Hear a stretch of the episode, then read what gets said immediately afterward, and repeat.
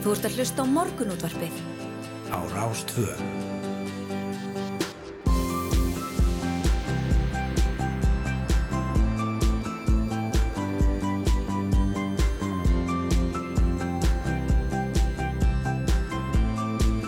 Morgunútvarpið Á Rástvö.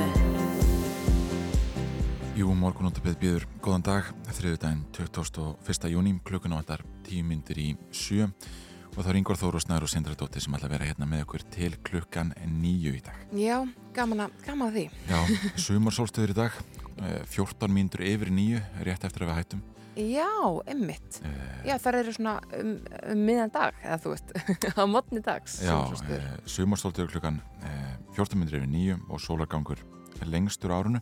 Mm. Eh, Þetta er hérna á, á fórsíðu morgunblansins.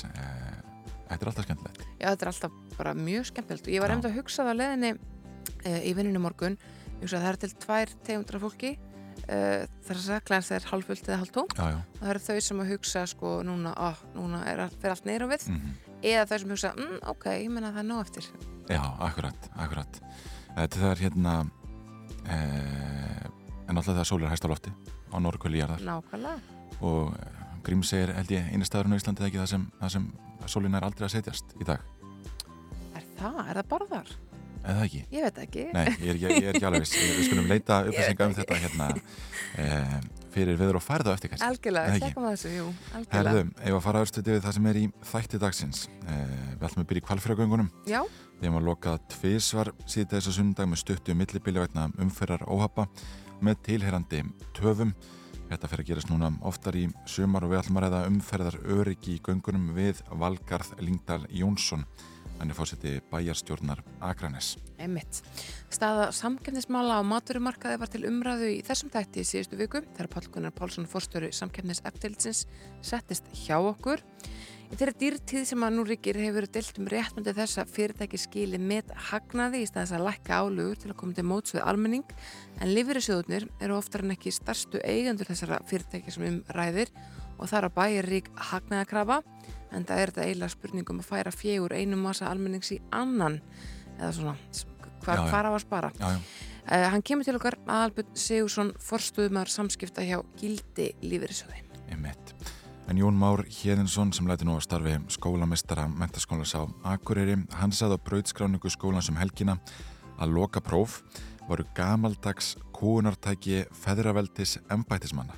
Já, Þægilegt, guðlegt tæki til að flokka fólk og hefðu ekkert með nám og mentun að gera. Þetta eru áhugaverðar skoðanir og við ætlum að ræða þetta við Guðjón Hrein Hugson, nýkjörinn formann félags framhalskólakennara. Hann ætlum að spyrja nút í þetta meinta kúunartæki og hvort nöðsilegt sé að breyta námsmatinu. emitt. Um það byrjt tveir þriðjur hlutar Íslinga telja kvalveðar skada orðspor þjóðarinnar en þetta er tölver breyting frá árunum 2009 þegar sama hlutvall stutti sjálfbarar kvalveðar. Það lítur jafnvel út fyrir að le- að leifar til kvalveðar renni út árið 2024 en það er nú ekkert fast í hendi í þeim efnum eins og saga kvalveða hefur jafnan verið. Hún er hansi köplót. Við ætlum að ræða kvalveðar við Bergþór Ólásson, þingmann miðflokksins og Þorgerði Katrínu Gunnarsdóttur, formann viðresnar en könnun malskinu í síðustu viku leiti í ljósa að viðhorkjósunda þessara tveggjaflokka eru gjör ólíkt til málsins. Mm Og þetta er mál sem hefur talsverð áhrif á, á færðarþjónustuna til að mynda á orðspor Íslands. Já, mjög mikil. og við ætlum að ræða e, þau mála einhver leiti hérna klukkan hálf nýju en tölvera raskanir hafa orðið á starfsemi flugvalla og flugfélaga víðað undarförnum og gerum við ráð fyrir áframhaldandi tröflunum í sumar. Verkvöld og skortur á starfsfólki plaga flugfélagin í gerfa til að mynda öllum ferðum frá alþjóðaflugvöldunum í Brussel í Belgju aflýst veitna verkfalls sem hefur viðtek áhrif á vellinum. Og við sáum líka myndir af eh, já, sko tösku flóði á hýþró í fjölmjölum. Það var ótrúlega myndir. Já, við ætlum að ræða um áhrifin hér heima og hvort líklegt sé að eitthvað svipað gerist hér við Brynjar Má Brynjólfsson, hann er mannöðstjóri í Savja. Emmett. Og uh, talandum að vera á faraldsfæti, við erum auðvitað ansi mörg á þeim buksunum þessa dagana. Þessa dagana gengur nefnilega söguleg, sögulega snembær hitabilgja yfir Evrópu. Á Spáni hefur hitin sumstæða verið á 37 gráðum við ströndina og 40 og eitthvað Já, inn já. til landsins. Við ætlum að slá að þráðan til Súsunu Svavarsdóttur sem búsett er á Spáni og eiginlega bara að heyra hvað hann hefur það í hitanum. Sko. Já, nákvæmlega. Eh, skulum kannski renna örstuðt yfir eh, fórsýður bladana. Hér á uh, fórsýður morgunblansins að vita við Þórtísi Kolbrunur Reykjörð Gilvadóttur uh, og hún segir hér að sé ekki að útlöka það að rúsnesk herfur fari að nálgast Íslenskt yfirraðsvæði nú það rússar gera sér svo digra við nákvæmnaríkin. Eh, hún segir hér að í samstarfi við aldaríki Allarsvæðsbandalagsins og með rekstri ratsjórkerfa bandalagsins hér á landi þá kappkosti stjórnvöld við að hafa sem glegstar upplýsingar um umferði í námunda við Ísland í lofti og á leigi. Mm. Hún segir þetta hérna eh, við morgunblæðið mitt en til umræðu er fréttblæsis í gær af rúsneskum kavbátum sem þykja nú færi sig mjög upp á skafti við breska landhelgi halda þar úti njóstunum og, og diljast með því að sigla undir tógurum og ráþara segir hér að sjóherr bandaríkina hafi sendt kavbáta eftirliti frá Íslandi með, það fyrir augum að afla upplýsingam um ferðir kavbáta um norður allasafið frá árunni 2014 og á síðast ári voru fljóvilar bandaríska sjóhersins við kavbáta eftirlit eh, hér við land flesta dag ásins en eh, já, eh, og, og fjölgun eh, já, tölfur fjölgun eftirlitsdaga og það skýrt teiknum þær breytingar sem hafa orðið á öryggis umhverfi Íslands segið Þórtís. Emmitt, já, forröndilegt. Hér af þessu fréttablasins er mynd frá fyrstu æfingu Kvennalandslinsins í knatsbyrnu fyrir EM sem að fer auðvitað svo allir vita fram á Englandi í júli. 10. júli er fyrsti leikur Íslands á mótunu gegn Belgíu en liðið á æfingarleiki í Pólandi þann 29. júni næstkomandi eftir 8 daga. Þetta er uh, mjög skemmtileg mynd, það er augljóslega hérna, gaman hjá okkar konum Já. á æfingunni sem er auðvitað bara leikillina góður, liðsjálf sko. Það er skemmtilegt á æfingum. Einmitt. Ég fæ ekki náðu því að mæla með e, þáttum á, á mbl.is þessa dagina. Já. Það sem hefur verið að taka vittal við e, okkar bestu konur. Einmitt, algjörlega. Áskaplega velgert. Einmitt. Uh, og en hér er frétt um það að ríki muni ekki nýta sér forgjöpsrétt til að uh, forgjöpsréttin á fjárárgljúri frestu til að ríkið nýti sér þennan forgjöpsrétt og hindri sölu að fjárárgljúri til enga aðla með því að kaupa gljúri það hann er runnin út. Einn heimsfræða náttúrperla er því á leðinni í enga eigu og kann gjaldtaka að vera handan við hornið. Um, Frettablaðikendi frá því síðasta mánuð að kaupandi var í fundin að jörðinni heiði og selindur hefðu samtitt tilbúið en einn helsta jörðarnar er þetta fjæðrar gljúfur, þetta fyrir austan. Uh, þetta er hérna nei, þetta er ekki fyrir austan. Jú, Jú, Bíb, Jú Justin Bieber, já. hann gerði þetta gljúfur heimsfrækt með viðtöðsynum um árið. Ég held ég var að ruggla sama gljúfurum hérna. Nei, nei, ég er ekkit að því. Uh, Katrin Jakobsdóttur vildi ekki tjá sig við bladið þegar spurði hvort að ríkið ætti að sér að nýta fargómsrættin svo náttúrundi er því ofinberi eigu.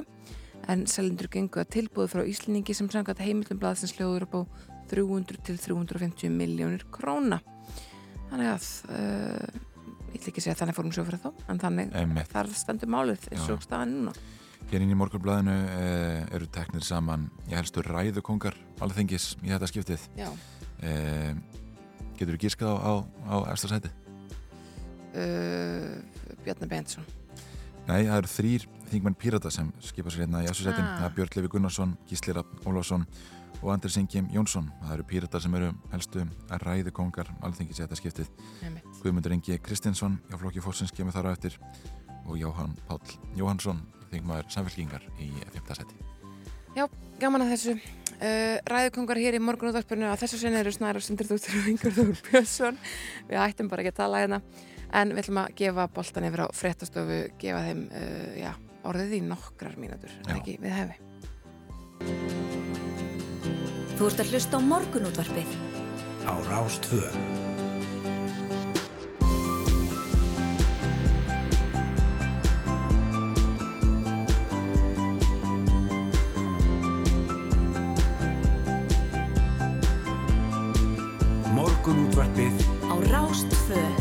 Jó, við bjóðum enn og ný góðan og blessaðan daginn hér í morgunútvarpinu. Snæður og Sindardóttir og Yngvar Þór Björnsson með ykkur til klukkan nýju og það er eitt og annað sem við ætlum að bjóða upp á í dag. Við ætlum að fjalla um hitabilgja á Spáni, við ætlum að tala um þessar miklu raskanir á starfsemi alþjóðaflugvilla, við ætlum að ræða kvalveiðar, við ætlum að fara og við frá Íslendika þar, við ætlum að tala um já, orð uh, fyrirvændi skólumestara mennskólans og akkurir sem segir af hvað.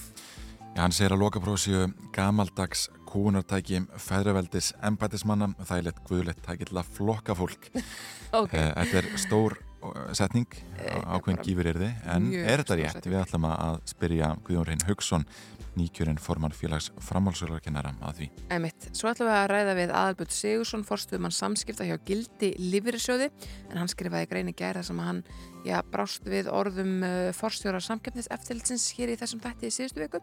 Það er fínt að halda því máli áfram. Já. Og svo ætlum við að, ræða umferðar öryggi í kvarfæragöngunum. Það er, þeim var lokað tvísvar. Um helgina, já, já, akkurát. En við erum að tala um hitabilgju í Evrópu og þá spyrir sig einhverjir kemur þetta hinga, skulum líta á veðstofunar að læð að myndast á Grænlandshafi og hún gengur til austus fyrir Norðaland í dag það gengur því sunnan kalda eða strekking og fyrir að rigna en hægari vindur og þurft norð-austalans þanga til setnipartin á norðanverðu Snæfellsnesim verða hins var kvassir vindstrengir og þar geta skapast varasamar aðstöður fyrir aukutæki sem eru viðkvæm fyrir vindi og hiti 8 til 16 stig hlýjast norð-austan til á landinu. Þannig að þegar við skoðum korti hérna á viðstóna þá er nú eh, bara tölverð úrkoma á vestanveru landinu eh, fram til degi. Eh, já, rauninni bara á landinu öllu þegar eh, líður á daginn. Já. En allavega ágættis hiti og, og eh, svona hérna, um, um 10 gráður hér á höfuborgarsæðinu en hlýjast norð-austan til það sem hiti fer alveg upp í 16 stig en þetta er enginn spánarhiti Nei, þetta er bara mjög langt frá því og einmitt, við skulum segja allir við fáum einhverja hluta af þessari hitabilgju, við finnst við aðalega verið að fá fellibili ef, að, ef að, hérna, þeir ganga yfir einhver önnulund þá fáum við svona dregjar þeirra. En eh, hitabilgjunar, þær eh, eru ekkert að gera sér ferð hérna yfir hafið Nei, ég fáum enga leifar af þeim. Nei, ekki neitt. Um, Það eru svo sem lítið að fretta á vegagerðarinnar. Það eru frangata frettir og við kvitum ykkur bara til þess að fara yfir uh, yfir þennan vef vegagerðin.is ef þið ætla að fara uh, í ykkur ferðalög. Kannski helst að nefna það að hér á höfuborgarsvæðinu er unnið að viðgerð lagna á Grandatorki það er að segja það eru Það er uh, ringtorkið uh, við sagt, á gatnamátum ringbrötar og Eiðisgranda og Ánanösta leiðand og nes. Þar getur orðið einhverjar tafir í dag og svo er brúin hefur hvít á við Kalmanstungu lókuð í dag vegna viðhaldsframkvæmda. Hún er lókuð al alveg fram á bara, ja, út þessa viku fram á lögadag. En að öðru leiti þá er svona bara einhverjar svona engar stórkværslegar Nei, nei, og framkvæmdi sem við maður nefnt kannski en, en uh, við nefndum hérna svumar sólstöður um, Örstuðdáðan, þær eru í dag uh, og við svumar sólstöður við fundum hérna smá textum með dæmit á vef viðstofunar þá sest sólinn ekki á stöðum norðan við uh, norður heimskutts baug sem er á 67 gráðum og sker norður hluta grímsæjar og verður með við réttastefni miðjusólar og þá ekki tekið til til ljósbrotts í andrumsloftinu.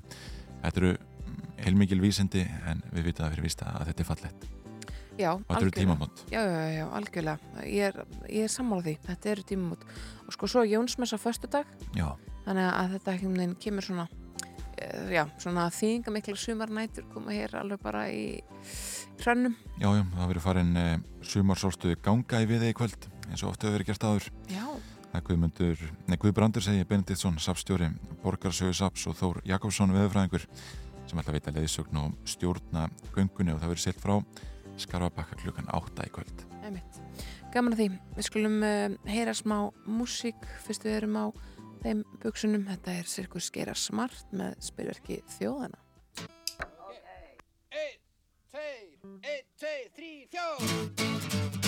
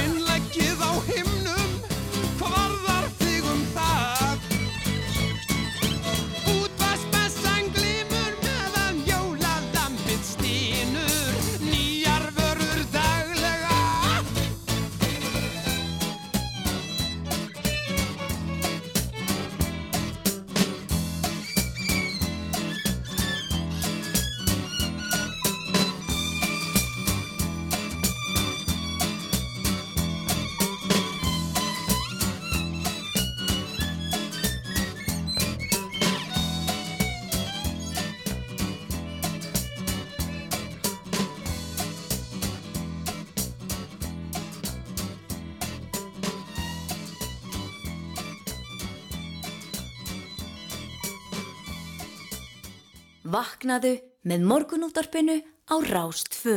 Jú, jú, sirkus gera smart með spilverkunum, þetta er ekkert smá skemmtilegt. Uh, sástu með allt á hreinu í sjónvarpinu, þá var bara núna um helgina, helgina, Nei, 17. sko, júni. Já, ég, ég hef margótt séð þessa mynd og var mjög hlaupaldi hjá mig þegar ég var yngri en, en uh, ég sá hann ekki í, í línulegri um Nei, helgina. ég horfði um blánu línulegri, það er hans annað, sko. Já, það er allt annað. Um, og hún var, uh, sko, fyrst kom með allt á hreinu og svo kom það ljárlög. Já, síðan var eitthvað þriða að tala um þrennuna þetta kvöldi. Já, það, Uh, var mýrin. Mýrin. Mýrin, já. Það var með svona íslenska þrennu þannig. Hún er nú ekki alveg saman status og þessar tvær sem, að, sem að ég nefndi. En þetta var singalong með allt á hreinu, það er Já, þess já, sem já. ég er að tuða þetta. Já, um, hún uh, sko hún eldist svo vel já. Og músíkin gerir það líka. bara mjög vel Já, einmitt.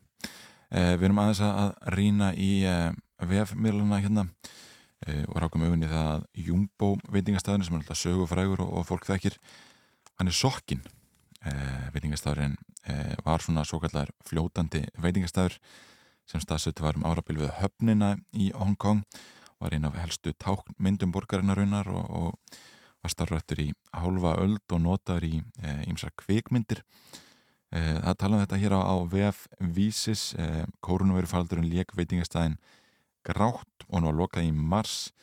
Það var það ákveð að flytja hann á ónefndan stað, það var dregin í burtu í síðustu viku, en það hefnaðist þó ekki betur en svo að veitingastæðurinn reynilega sökk í söður kínafi. einmitt. Og þetta er ekkit lítill veitingastæður. þetta er sko, risastór veitingastæður þetta er svona prammi eiginlega. Já, og þess vegna var hægt að draga hann í burtu.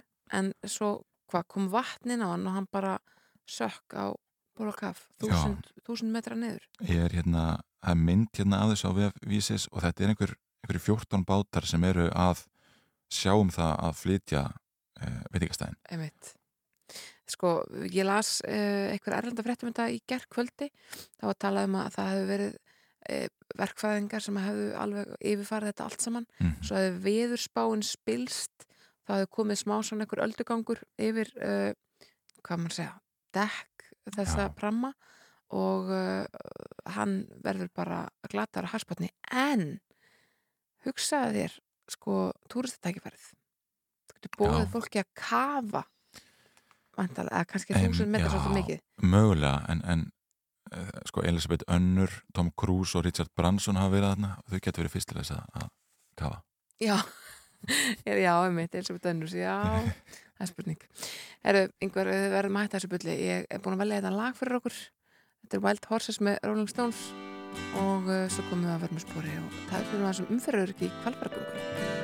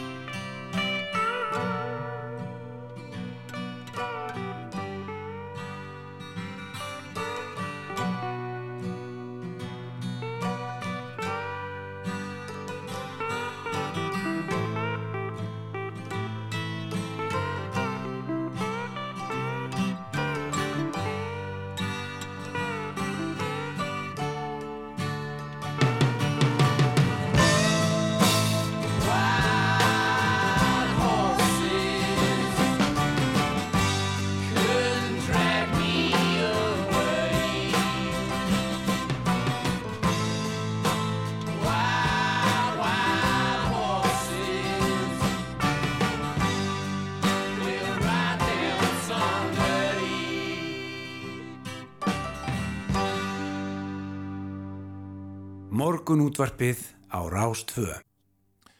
Það fjalla tölvört um það um helgina að um, það þurfti að loka kvalfyrragöngunum í alltaf tvísvar síðan þess að sunnundag með stuttu millibillivætna umfarðar óhappa og með tilhærandi töfum. Og um, Valgáru Lingdal Jónsson fósetti bæjastjórnar Akranes er komin á línuna, góðan daginn. Góðan daginn. Uh, Okkur bregður alltaf þegar við lesum um umferðar á byggungunum uh, þarf að ráðast í frekari aðgjörð til að tryggja umferðar öryggi þannig að sæðinu Uh, já, að okkar mati hérna á Akranesi þá, þá þarf að gera það og við höfum margóft margóft bent á það mm -hmm. uh, bæði við uh, bæjarstjórn Akranesi og, og hérna og samtök sveitafélag á Vesturlandi hafa, hafa hérna ídregað bent stjórnvöldum á það að það þurfi að huga tvöföldun þessari ganga Uh, og það er bara, þau eru komin á damt, getur við sagt, svona miða við, miða við bara þær, þær reglur sem að, sem að, hérna, sem að gilda um, um hérna göng, uh, að sko, reglugerðin segir að, að hérna, að svona meðal, meðal dagsumferð upp á 8000 bíla sem að, að hérna þessi göng eru eru annarkort komin í eða alveg að verða komin í 2019 var talgóðun upp í 7700 meðal, meðal dagsumferð og göng með enga neyðarútganga þau hérna bara svara ekki svara ekki kröfum mm. þegar þau eru komin upp í, upp í svona mikla umferð á dag sko mm. Eru stjórnvöld að draga lappina það kemur að, að einhverjum umbótum? Uh, það hefur verið svolítið okkar, okkar upplifun, já. Um, kvalfjörgöngu eru í, eða tvöföldum kvalfjörganga er í samgöngu áallun sem gildi til 2034 en þau eru ófjármögnuð og þar á leiðandi ótímasett og stjörnumert sem að, sem að þýðir að, að, hérna, að það með leita samstags við enga aðila um, um, um fjármögnun á, á, hérna, á þessari framkvæmt sem að náttúrulega þýðir bara veg, vegfærendur greiði með veggjaldi. Og hérna er og það er, það er svona sko sko það er náttúrulega bara hérna svolítið stórt pólitískt mál sko. Um, að mínum að þetta er, er, er innheinta vegjald af eitthvað ósangjart skattur sko. Mm. Af því að, að, því að hérna, einstæða móðurinn sem að fara að fara söðu með börnu sín til læknis hún greiðir sama gjald fyrir bíldrösklunum sína og, og hérna og gera mærin á reynsróurnum sko mm. þannig að hérna svona skattur sem að gengur út á það að allir greiði sömu upphæð óháð um, bara efnahag og, og, hérna, og stöðu viðkomandi er, er alltaf í eðlisínu ósangjarn. Mm -hmm. Sko, veggjöld voru innhemdi kvalfaragöngunum í 20 ár til 2018 frá, frá 1898 minn þeir ansið fundi og, og við sem að keirum reglulega kvalfaragöngin að það sé rukka fyrir þau. Það voru ekkert svo sem, það voru ekkert hávara rattir gegn því þegar að uh, sá tollur var í gangi. Nei, alls ekki og, og ég held að við höfum alveg, alveg hérna, uh, átt á okkur á því uh, bara bæði við skagamenn og bara við, við notendur Vesturlandsviðar höfum alveg átt okkur á því að, að þetta væri betri kostur heldur en að þurfa alltaf að gera kvalfjörðin sko. Mm -hmm. Að samgöngu bæturnar voru þessi virði mm -hmm. og hérna Þannig að sko við, við sláum það ekkit út af borðinu að, að, hérna, að hugmyndir um, um, hérna, um gjaldtöku. Spölur sem að ræk kvalfjörðargöng stóð sér mjög vel í því að stilla gjaldinu í hóf og veita góða afslætti til þeirra sem að notuðu göngi reglulega. Þannig að hérna, uh, skagamenn sem voru í, voru í daglegum förum á milli Akranes og höfuborgarsæðisins þeir hérna þeir nutu góðra, góðra afsláttakjara mm -hmm. og það er, það er eitthvað sem, að, sem að, að, að þarf að tryggja. Annað sem að þarf að tryggja er síðan bara jafnbræði.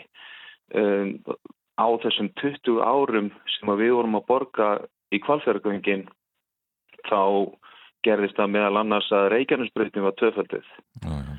og aldrei talaði vegjald. Það var breykaður vegur yfir hellishefi Það voru gerð fáshúsfjöragöng, héðinsfjöragöng, norrfjöragöng, bólungavíkugöng og það voru engi borgar krónu fyrir að gera þessi göng. Þannig að, að hérna, það sem að við bara viljum fara fram á er, er, er eitthvað svona heildar stefna og, og, og ákveðin samgirni hvað þetta varðar. Uh, við upplifum að svolítið að í hvers skipti sem að tala er um samgöngubætur í þessa átt frá höfuborgarsæðinu og þá voru menn strax farin að tala um veggjöld. Mm -hmm. En hver ekki annar staðar? Já, það er auðvitað líka veggjöld í uh, vaðlaðegöngur svo þessi, svona, svo þessi haldið haga. Já, já, því uh, há rétt og, og rétt, rétt að halda því til haga. Mm -hmm. Einmitt. Valgar Lingdal Jónsson. Og, og kvalfjörgöngin er ekki eina stjórnum mesta frangvandin í núvarandi samgöngu áallin það er líka talað um Ölfusar brú, Hornafjörðarfljút mm -hmm. um, göngu til reynisfjall og fleiri. Já, já, einmitt. En, en eitt eru þessi slið sem erfitt er að, að horfa upp á og, og síðan er þessi miklu tafir sem verið kringum þetta. Hvernig er hljóðið í íbúum að þessu saði er, er pyrringur í fólki? Já Já, það, það, er, það myndast alltaf svolítið óþreyja við, við það að þurfa að, hérna, að, að sitja í bílnum í, í byðiröðu eftir að komast í göngin. Mm. Að, hérna, það, það gerir það óhjákvæmilega. Uh, ég vil þó taka fram að, að við teljum ekki við vegagerðina að sakast sem að reyka göngin núna. Við höfum bent vegagerðina á, á að gera þurfi úrbættur í öryggismálum og vegagerðin svaraði því strax bæði með orðum og aðgerðum þannig að við höfum verið bara uh, mjög sátt við það hvernig viðagerðin hefur staðið sig. Já, og í sjálfu sér er það náttúrulega bara flókið þegar að óhætt verða í svona göngum þar sem að hérna, það er ekkit í göngunum annað en aðgreinuna tvær og hérna og það er bara það er meirinn að segja að, að, að leysa, að, að greiða úr úr svona hérna aðtökum sem, sem að verða þar en hérna vegagerðin er alveg, að, er alveg að standa sig vel og það er eðlilegt að það mhm. takir tíma já, já. að hérna að greiða úr þegar óhört verða uh, við, við ökumenn verðum líka bara að taka hluta af ábyrðinni þannig að það eru, eru skilti begge með í gangana sem að hérna hveti fólk til þess að hafa gott bíl á milli bíla og ég keiri göngin nógu oft til að vita það að það far ekki allir eftir þeim tilmælum sko. Nei, einmitt. Við komumst ekki lengra í, í þetta skipti Valgáru Lingdal Jónsson, fósetti bæjastjórnar Akranes, takk fyrir að vera á línni. Já, takk sem leðis. Já, við fyrirum að heyra frettæfild frá frettastofu Rúf en uh, kannski fyrst nokkra tóna hér með uh, Camilo Cabello og Ed Sheeran.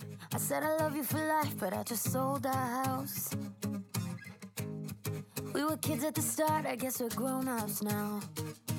Mm.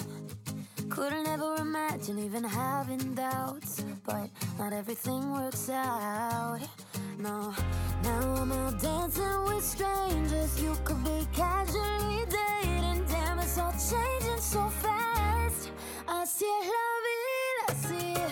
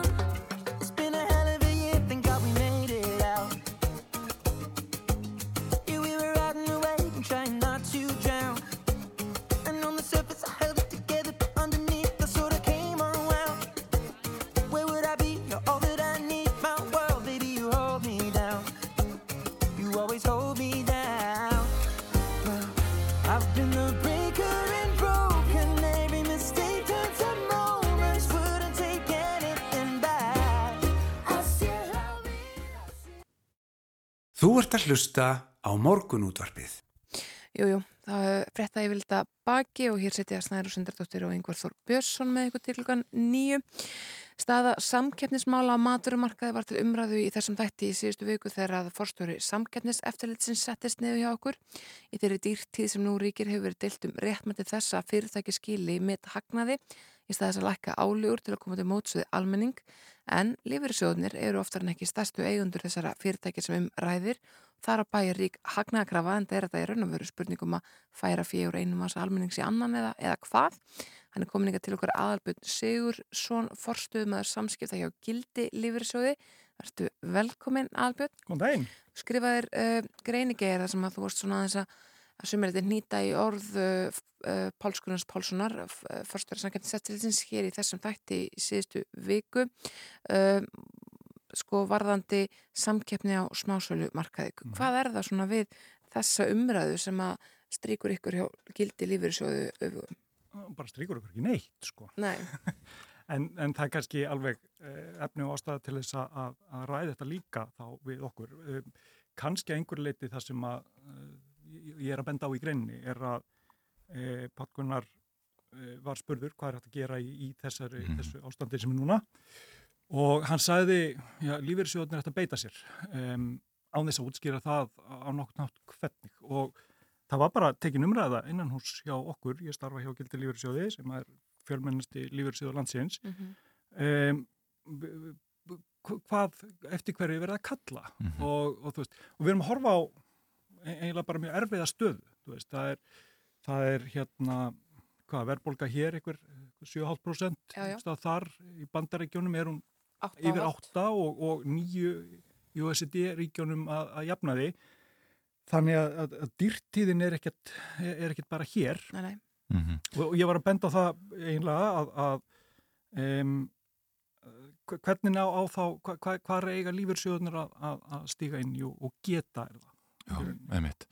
En Páll er til að mynda að tala um það hérna, að tala um það hjá okkur að, að það væri bara ekki heppilegt út frá samkeppnis sjónamiðum að lífyrirsjóðir ættu, já, sko, samkeppninslega mikilvæga hluti í, í fleiri en einu fyrirtæki á sama markaði. það er? Um, já, já, hvernig hamlar það samkeppni? Ef við, ef við snúum spurningunni við, hvað, hvað er það í því mótili sem að hamlar samkeppni? Vegna þess að við erum í ákveðinni armslengt frá fyr, fyrirtækjunum, við, við, við vinnum uh, faglega.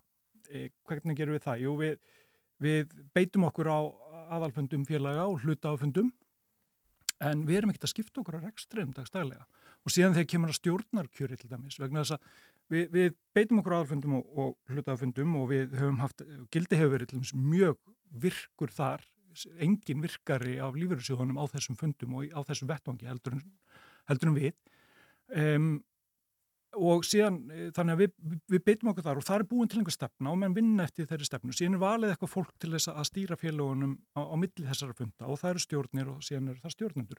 Við komum að því að kjósa stjórnir. E, það er orðið faglegt ferli. Hjá gildi er þetta þannig að á heimasíðunni hjá okkur þá auglísum við eftir áhuga sumum til þess að bjóða sér fram í, í stjórnir félaga, bæði skráðra og skráðra og síðan getum við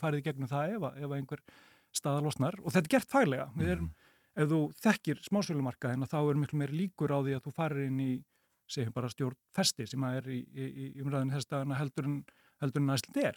Mm Þannig að það er reynd að stýra þessu faglega og síðan ef menn eru óanaðir með stefnuna og stjórnina og stjórnhætti og annað slíkt að þá er alltaf þessi möguleiki að beita sér á fundunum eftir, mm. eftir ár og, og, og skipt út. En, en það er sko þessi hagnaðakrafa sem að, að hefur aðeins verið komið upp í umræðinni Hver- núna er þessari dýrtíð og, og uh, í þessum þætti meðal annars þar að segja þessi ríka hagnaðakrafa sem að er í gildi á þessu fyrirtæki þrátt fyrir að það sé verðbólka þrátt fyrir þessi dýrtíð og það sem að, að fólki, að, einhverjum hefur blöskrað, maður sé það í umræðinni er að fyrirtæki á borð við þau sem eru á þessum smásölumarkaði sé að skila með hagnaði eða einhverjum miljörðum í hagnaði jafnvel, uh, í stað þess að skila minni hagnaði til hérna og, og rukka þá almenning minna því að auðvitað helst þetta í hendur þar að segja það hvað ég borga fyrir brauðið eða fyrir, fyrir uh, keksbakkan uh, það skilar sér í hagnaði fyrirtækisins á endanum eftir sko með hversu miklar álefur eru á sér að vera ekki satt.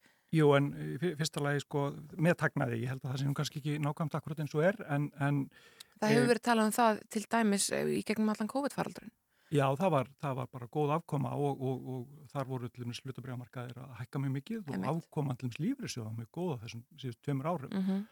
Ég er nú ekki vissum að verði jafn góð í ár, það er náttúrulega mi- mikla breytingar á markaði núna, en, en ok, förum yfir í, sko, það, það er alltaf talað um eins og, og lífeyrisjóðin gerir einhverja, sko, lámars arsemiskröfu. Það er bara ekki rétt, það er talað um þessi 3,5% að það sé eins og það sé einhver, einhver eitthvað viðmið hjá okkur að það sé arsemiskrafan, það, það er bara einfallega ekki rétt, Nú, já. það er bara reikniregla. Það er bara að reikna með að hver þúsund kall sem er greittur inn til, til gildis hækki um 3,5% á hverju ári og þannig eru réttindi e, þess sem að greiti þúskallin reiknuð út þegar hann fer á lífeyri. E, ég meina, lífeyrissjóðnir eru að kaupa skuldabrif sem eru með, með lægri áistunargröfu heldur en 3,5% sem dæmi. Þa, það er engin, við förum ekkert inn á, inn á fundi e, eða, eða ef, ef eitthvað fyrirtæki eða félagi er búið að, að skila afkomu sem er undir 3,5% að við förum ekkert að seljum grút eða eitthvað slíkt sko. E, auðvitað gerum við síðan kröfu um arsimi Mm. en ekki hvað. Ég meina það, það er business sem við erum í sko. Já. Að, hérna, en, en það er engin lámarskrafa skiljið, það er ekki og En eins og akkur núna sendið þið ekki þau skilabóð til þessara fyrirtækja sem þið eigið og segið, uh, já, núna ætlum við hreinlega að lækka kröfuna sem við höfum á, með kröfu. hafið við. En hafið þið sendt þau skilabóð til stjórninda að, að sko, halda aðeins þessari höndum og, og, og lækka verðið ekki uh, of mikið? Nei, hver- hækka, hækka verðið ekki of mikið sér. hvernig eigum við að gera það? Eh, Sko, við, við segjum bara tökudæmi í, í vikunni, nei, í síðustu viku var það að þá var við talið framkvæmtastjóra krónar uh, sem kemur fram og, og það tekið viðtalina í tilum þess að uh, það voru sett búið að vera minni verð hækkanir uh, inn á uh, hjá króninni heldur en hjá öðrum uh, smásum, Mhm. öðrum, öð, öðrum fyrirtækjum. Um, það er enginn í lífeyriskerfunu sem gerir aðdóðsam til það. Um, og, og síðan er það líka sko eigum við að, hve- hvernig eigum við að gera þetta? Eigum við að ringi í forstjóran og segja honum herðu, nú bara er. Nei, ég menna, þú veist, við förum inn á, við förum inn á, inn á hlutafafundi, ég menna það Já, er já. hlutafafundur í, í festi eftir, eftir nokkra vikur. Um, en, en þar erum við bara að, að einbytt okkur á því að það séu góði stjórnarhættir og, og hérna, og, og auðvita náttúrulega að, að það sé arsimi, en, en um, það, það væri mjög skrítin skilabóð einhvern veginn út á markaðin bara að, að sleppa bara og segja, herðu, þið bara megið bara, nú megið þið bara tapa fullt af peningum í einhvern tíma, vegna sem við mögum heldur ekki gleyma sko að, að eða, eða minka arsimina. Af, af hverju er það, af hverju er það skritin skilabóð í einhvern afmarkaðan tíma? Við vitum að verðbólgan, hún, sko, Ég- við munum ná okkur að strik eftir kannski ár, segjum Sko, lífeyrissjóður eru mjög þólimáðið fjárfestar. það. Mm e, einmitt. og, og ég held að það vita það allir e, sem, að, sem að reka þessi fyrirtæki og við höfum þá í rauninni e, burði og lífeyrissjóðir og gildi hefur þá burði til að standa með félagi í gegnum einhvern, Mm. einhvern skabl eins og er núna um, eigum við þá, hve- hvenær eigum við þá að taka upp síman og segja, herðu, nú er þetta tímabil búið, nú eigið að fara að græða meira pening. Þa, það sem við gerum er að við höldum okkur bara frá, við, við bara treystum stjórnendum og stjórnum félagana til þess að, að, að stýra þeim eins, eins vel og þau geta. Og, og síðan er, er, hérna, er, er það neytendana að kjósa með fótunum. Og ég, reyndar, ég var að hlusta vegna þess að greinin er nú, uh, þar er Pál Gunnar Pálsson nefndur. Já, já. hann var í sprengisandi um helgina og þar fannst mér hann koma með mjög áhugaverðan uh, áhugaverðan punkt sem ég sá að í svona ástandi að þá á það eh, gerist það og getur gerst á svona verðskinn okkar neytenda. að aðeins sprenglist. Það, bara, það er alltaf hækka svo mikið að við bara vitum ekki alveg hvort að þetta er eðlegt eða ekki og, og það er ákveðin hætta á að einhverjir nýti sér það.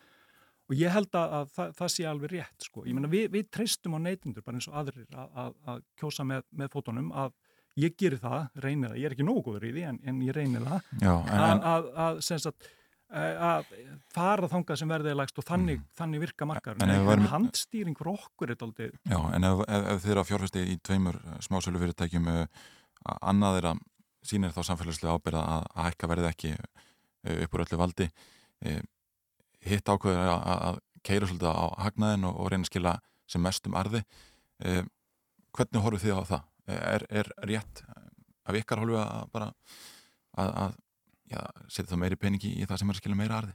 ég held að við myndum allavega ekki endilega hlaupa eitthvað frá hinu félaginu. Ég held að það sé, það sé kannski punkturinn. Um, og ég held að það sem gerist er að, að neytendur sjá það og þeir færa sig með sín viðskipti þangað sem að verðið er læra. Um, það er bara, sko, það, það er kallað á lífeyrissjóðana með alls konar hluti. Mhm. um, við, við eigum að koma inn í einvega fjárfestingar, það er talað um okkur í sambandi við húsnæðismarkaðin, varðandi hjúgrunarheimili. Vi, við, erum, við erum fagfjárfestar og, og En það er náttúrulega eigu almennings. Já, já, veist, Það en- er það sem er svo flókið þarna og það er það sem að, að ég held að fólk velta fyrir sér er sko af hverju er, eins og þú segir, af hverju getið þið ekki komið með þessi skilabóð ef, ef, þið, ef þið eru eigu almennings Mhm. þá eru þessi með, langar leiðir, þessi fyrirtækja einhver leiti í eigu almennings ekki satt Algjörlega. sem þið eigið, af hverju er ekki hægt að koma með þessi skýra skilabóð inn til þessara fyrirtækja sem þið eigið þannig að almenningur þurfi ekki ég ætla, sko, svo ég noti mjög dramatist orðalag, leipa döðan og skil á í þessari dýrtið sem er nú uh, ríkir. Já, en þá ertu einhvern veginn búin að- yfirfæra það að það sé á einhvern nátt uh, lífeyrissjóðunum að, að kenna. Eh, Þú veist, sem En það þið er ekki, en, en við erum sko. einn af eigandunum, Já. augljóslega. Og þeir eru með stóru eigendur, mjög þeir ráðið já, mjög já. miklu fjármagni í Íslandsku samfélagi. Já, en, en það, það breyti því ekki að, að hérna, aftur, hvar, eigum við að ringja bara í, í, hérna, í smásöluna eða eigum við að tala við tringafélagin eða eigum við að tala við bankana eða hva- hvar, hvar byrjar þetta að endur þetta? Við bara, við treystum Væri það ekki alltaf lægi að ringja bara í alla? bara að senda út allserjar Eh, ég orður bara um að lækka alls það verð. Er verðbólka á tryggingamarka allir mis? Vistu nefnir tryggingafélagin? Nei, ég segi bara vegna við erum, við erum, við erum mjög víða á þessu marka. Þess vegna nefndi ég bara einhver dæmi um, um félög sem eru í samkeppni. Mhm. Bankarnir eru í samkeppni, tryggingafélagin eru í samkeppni.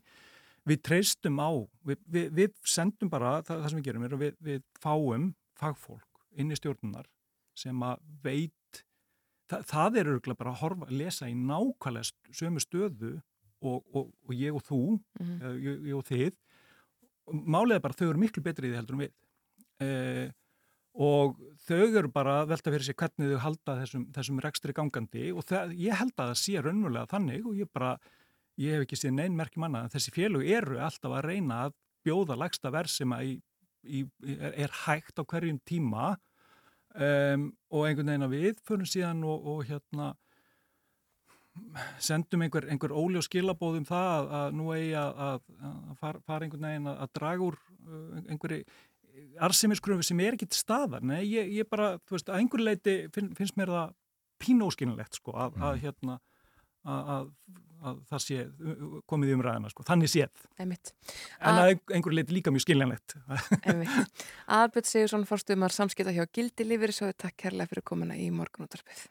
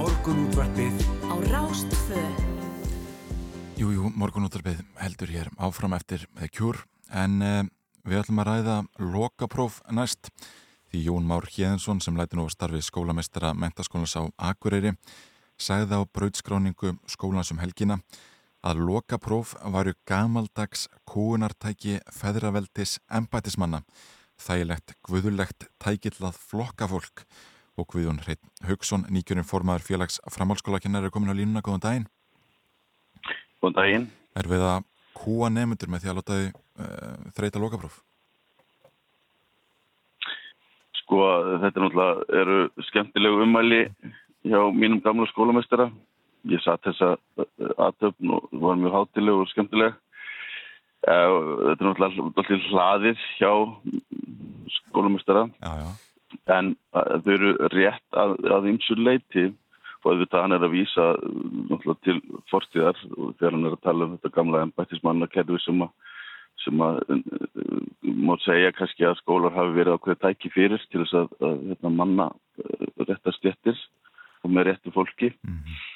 En sko ég get ekki verið alveg samlega því að lokapróf hafi aldrei haft nokkuð með mentun og nám að gera. Það, það er svona fullt djúft í árinu tekið.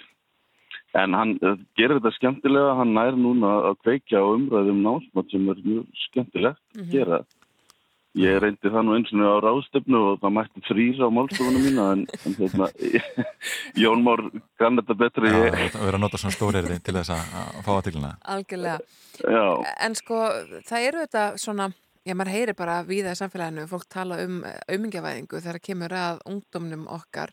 Eh, Sko, er ekki svona, er, er það viss aumingjavæðing að ákveða að, að eh, lokapróf séu kúunatæki og þetta sé bara allt saman eitthvað eitt stort ofbeldi, fólki sem að er að, feta námsvegin?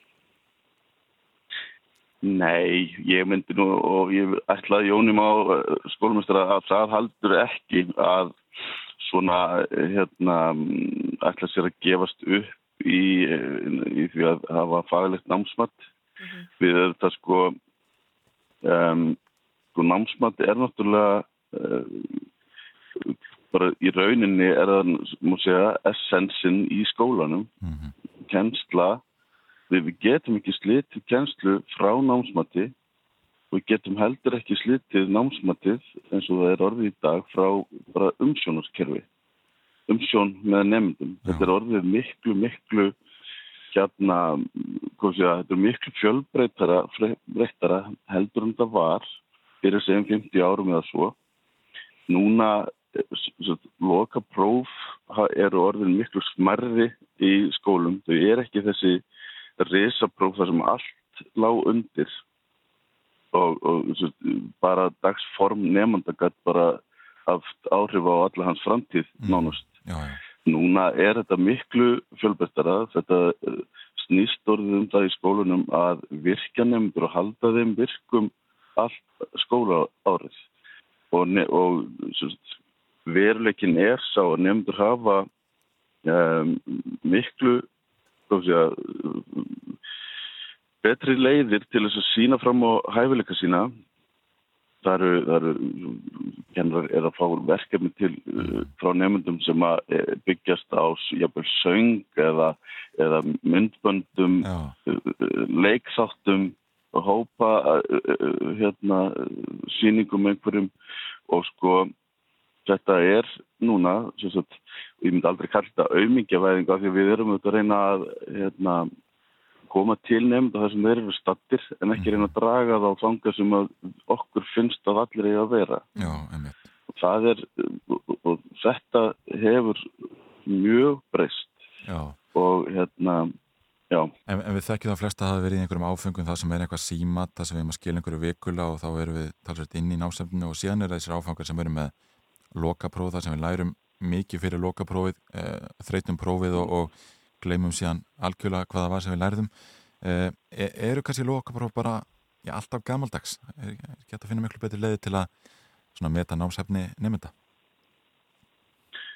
sko, ég, myndi alveg uh, segja ef að, að lokapróf er 90 til 100% uh, að þá er það, ég myndi alveg hérna taka undir það, það er frekar gamaldags í dag. Við hérna og, og, og það ég bara held ekki til sagt að það er ekki lengur dæmi um slík uh, stórpróf en það eru vissulega uh, einmir eftir af nokkrum gáðsja einhver staðar þar sem að eru stærri lokapróf og, og nú eru kannski tala um próf bilin 40 til 60% ég bara þekki þetta ekki alveg nógu vel Mhm. en þau eru hins vegar þarna er verið að byggja á uh, hérna mjög mörgum þáttum þegar og nú sko ég er ekki að fara hvorki að verja nýja hallmæla uh, þessum prófum, þetta er einfallega mat uh, skólastjórnunda og kennara á hverjum stað, hvernig námsmatti á að vera háttað. Og þetta er líka, það er mjög mikilvægt að við áttum á því að námsmatt er og loka einhvern er rauninni stjórnvalds ákvarðum sem að kennurum er falin að gera.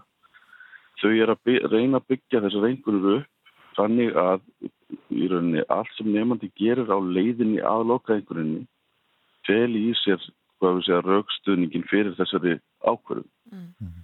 Og, og við verðum að, að, hérna, að passa upp á það að, að kennarar og allt skólaumhverju hafi nægan tíma til þess að hvað sé, sinna þessu námsmati eins fjölbreytt og það er orðið. Einmitt, einmitt. Já, þetta er ansið flókið mál. Sko, finnið þið fyrir því að, að finnið þið fyrir mikill pressu frá fóreldurum og, og nefnendum að, að svona slaka á kröfunum að ykkur leiti eða breyta námsmatinu þannig að þetta verði símat og, og söngur?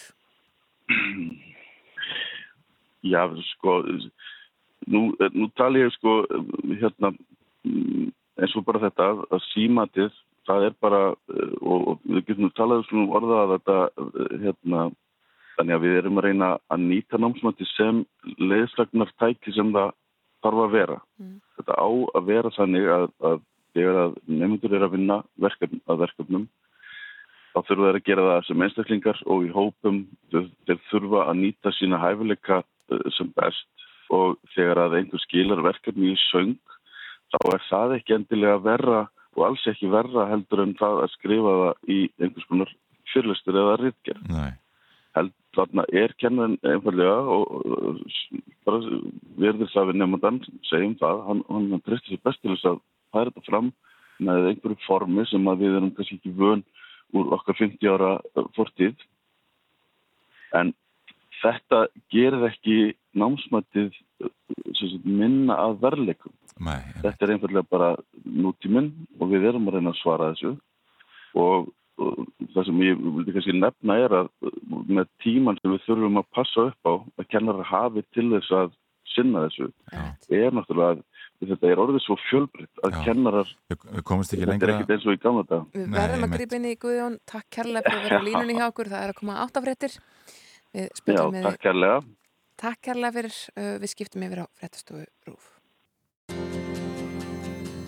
Þú ert að hlusta á morgunútvarpið. á Rástvö.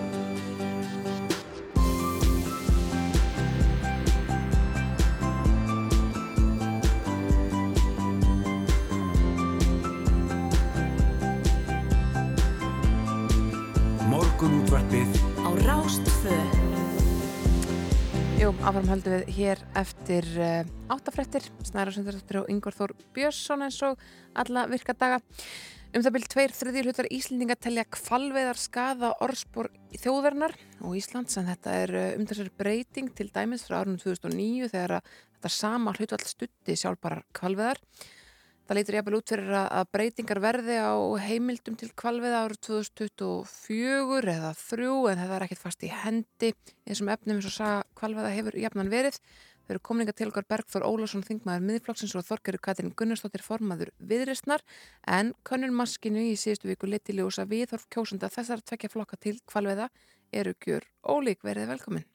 Takk fyrir það. Já, takk kærlega. Sko, við skulum kannski bara byrja á þessari hérna þessari breytingu sem verist ver verða einhvern veginn í viðhorfu almennings á kannski einhverjum uh, áratug eða svo, Bergþór um, ykkar kjósendur þau eru ennþá einhvern veginn svona á þeim stað sem á að fyrir áratug síðan tveir þriðju stiðja kvalveðar Já, þetta komir í sjálfur sér ekki óvart. Uh, Það er stöðningsmenn miðflokksins eru nú svona tiltölulega atvinnulífs sinnaðir uh, heilt yfir og mér sýnist þetta að vera svona mjög svipaðu taktur mellir stöðningsmanna miðflokksins og stöðningsmanna sjálfstæðisflokksins í þessari könnun.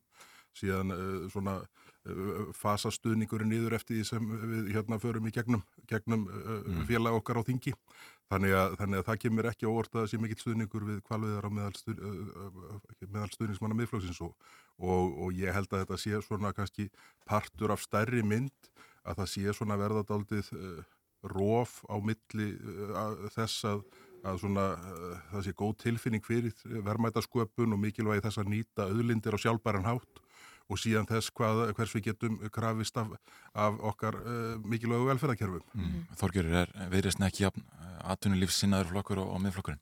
Fyrir ekki, ég er ekki að halda því. Já, það er kannski, ég er náttúrulega, það er gott að vita það, Bergum minn, og þú veist ekki að gera það, en, en hérna, Nei, þetta er kannski líka svolítið taknum um nýja tíma og breyta tíma. Viðreysni er einmitt bæði aturlýfstengtur flokkur en líka umhverfisvætn og, og þessar tölur um að hvað ríflega 25 eða 26% af, af kjósandu viðreysnar stiðja kvalveðar, það er alveg takt við það sem að maður hefur fundið innan, innan flokksins en, en við sem samfélag, veist, við erum með, með svo mikið mannuð hérna dýrmættar auðlindir og, og við sjáum bara að, að veist, Íslandst efnaðarslík bet, fyrir að byrja að reyða sig á fleiri stóðir í atvinnumálum. Og það er að meðalegt með sverðarþjónustunum sem er orðan eina af þessum grunnstóðum Íslands atvinnulífs.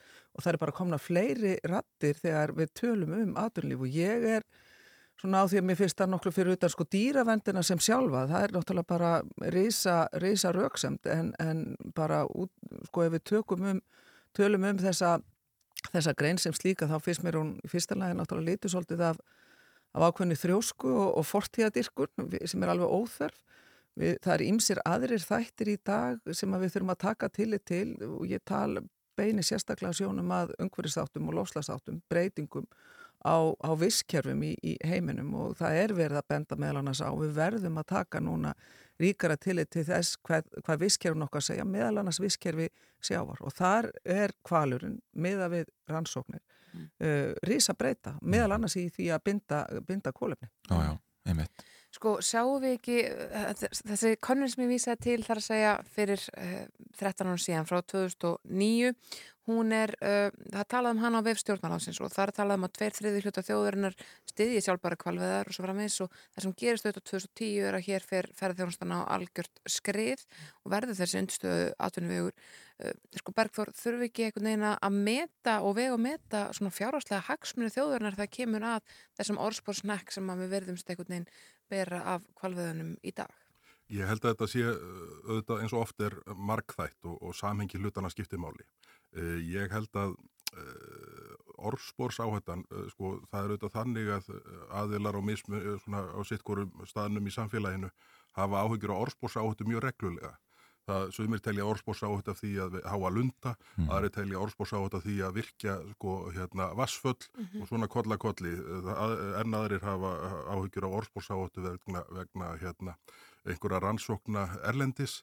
En ég held að hvað ferðarþjónustuna varðar hafi miklu meiri áhrif bara hvernig innviðinir eru hér. lélegir vegir, eitt hæsta áfengisverð í heimi, hátt mataverð og þarfram til gutunum.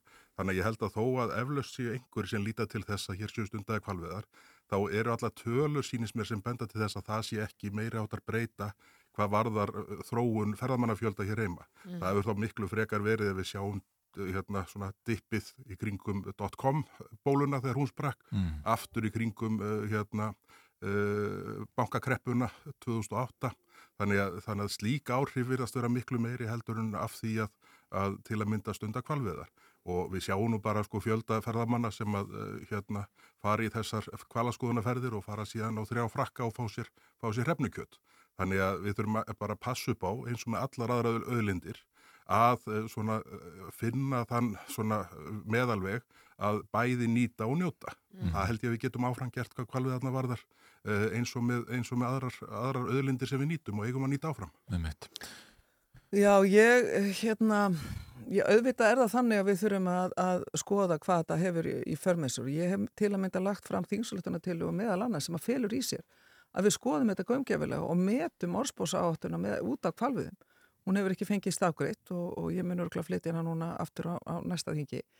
Um, þar sem að við þurfum hins vegar að skoða er að það, sko, ég skil vel að í gegnum áranar rás við Íslandika þurftum að bjarga okkur. Hluta því voru kvalviðar.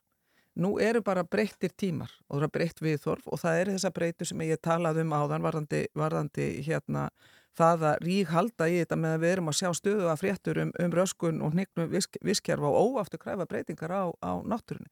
Þetta, er, þetta eru hluti sem við verðum líka að tala um í, tala um í, í, í dag.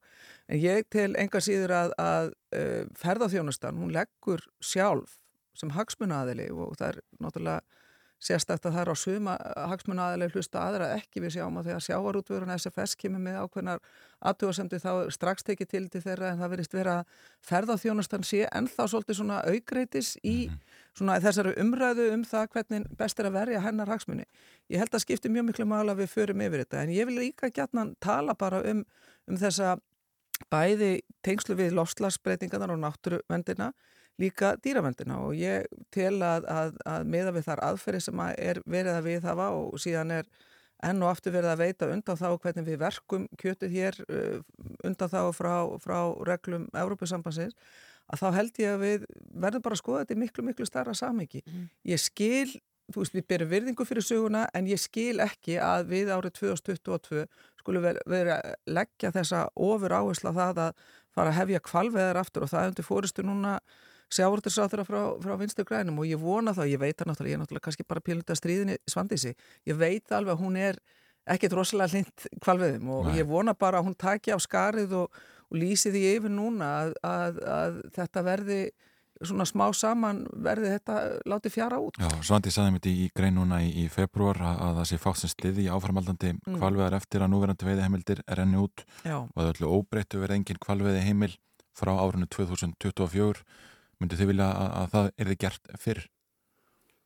Ef, ef ég byrja þá, þá er svarið við því í sjálf sér alls ekki sko. Það, það á að uh, stunda þess, uh, þessar uh, veiðar bara á meðan það er talið skinsanlegt út frá þeim sem þá hann að stunda og það er, það er á meðan það eru fyrirtæki sem að, sem að hérna, telja haksínum uh, best, velborgið með því að uh, stunda þær þá, þá, þá eigum að viðhalda þessari nýtingu á þessum, þessum stopnum því að staðrindin er svo að þetta er auðvitað sjálfbær, sjálfbæra veiðar, við erum að tala um að það séu millir 0,7 og 0,8% af annars vegar refnustofninum og hins vegar langriðarstofninum sem er verið að hérna, fella árlega. Það er langt, langt, langt innan uh, þeirra marka sem að, sem að hort er til hvað sjálfbæra nýtingu varðar. Mm. Þannig að ég held að við séum raunverulega að gera þetta vel hér heima og manni sínist að svona sambúð ferðarþjónustunar, kvalaskoðunar og uh, kvalveiða hafi gengið þrátt fyrir allt ágætlega undanfærin ár Mm. og miklu betur á mörguleiti heldur en margara hópa sem að takast á ef við tökum, tölum bara um til að mynda virkjanir og orkuöflun almennt þannig að, þannig að ég held að, held að við séum hansi nærið í að vera svona feta þetta innst í skins, með skynsælugum hætti. Ég er sammála því að það er frekar að, að bara fara að lýsa því yfir núna strax að við ætlum að hætta þessu síðasta lagi 2024.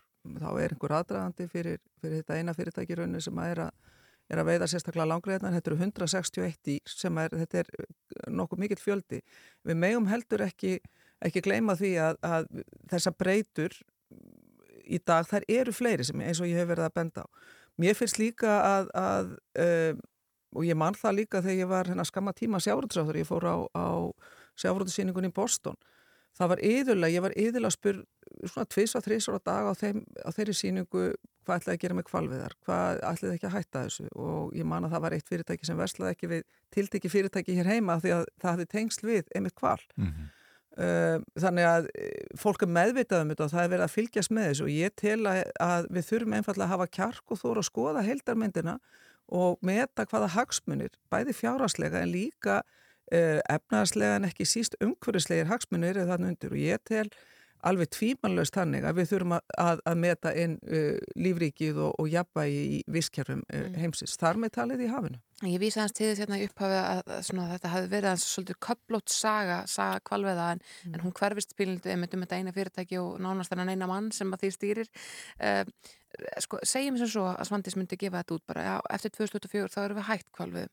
Uh, er það endapunktur eða verður þetta máleikundin alltaf sko hádeitt um þess ráþara sem að setja hverju sinni yfir málflokk? Já, þess vegna held ég að því að það, er, það sem að má ekki gerast er að þetta sé hádeintum, bara þannig ég sé alveg heiðarlega með, með því. Við þurfum að vera með nákvæmlega grunni fyrir því hvaða myndu viljum teikna upp og þess vegna finnst mér leitt að, að það er eins og það sé einhver feimni við það að meta inn uh, þjóðarsleg verðmæti kvalvað. Þetta er frekar eins og þess að ég verið að ríkhaldi í þetta út af einmitt fortíðinu, út af einhverju þrjósku, út af því að þetta var fallikt í sögun og bjarga okkur um tíma en núna eru bara þessir aðri tímar.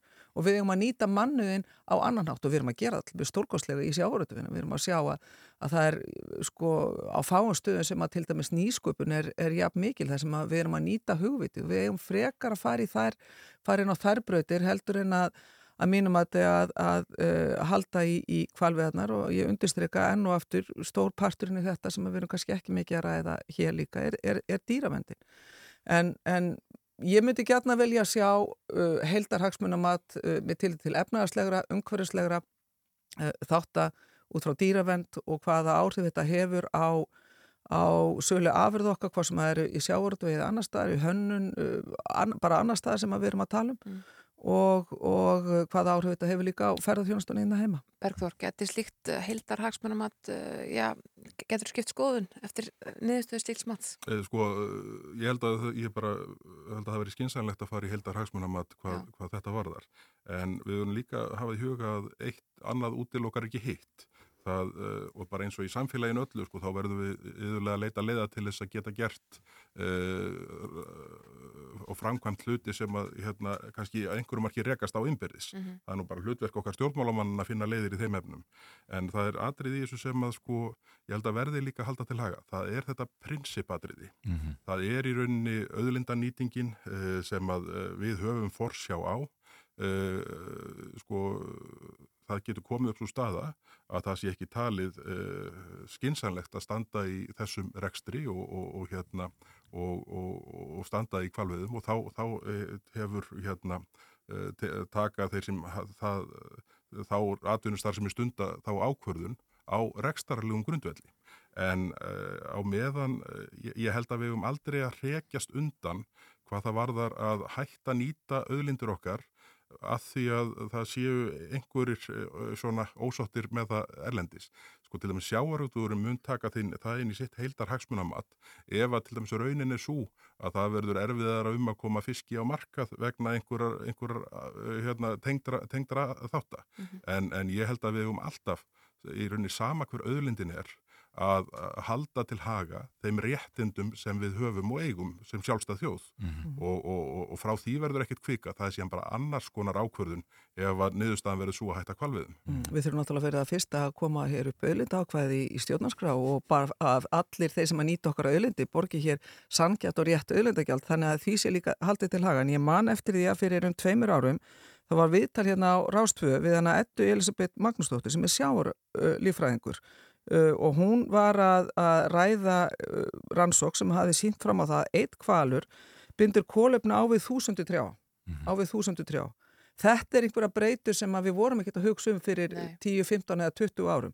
Við erum í risa baráttu í lofslagsbreytingum og þetta er þáttur sem að við þurfum að beina miklu frekar sjónum okkar að núna í, í, í dag og þetta væri eins og Við erum að gaggrina e, Brasiliumenn við að reyðja sko, Amazon. Þetta er eins og við værum að, að, fúst, að halda áfram þessum drápum væri svolítið eins og við værum að reyðja hér þúsundi trjá. Sko, miða við þær uh, vísindalegu rannsóknir sem að liggja núna uh, fyrir varðandi það hvað, hver og eitt kvalur bindur af, af kólefni. Þannig að ég vil líka beina sjónum á þessu. Þetta er stór partur af því hvernig við nýtum okkur auðlendir og verjum þar meðal annars í gegnum loslagsbreytingarnar. Einmitt.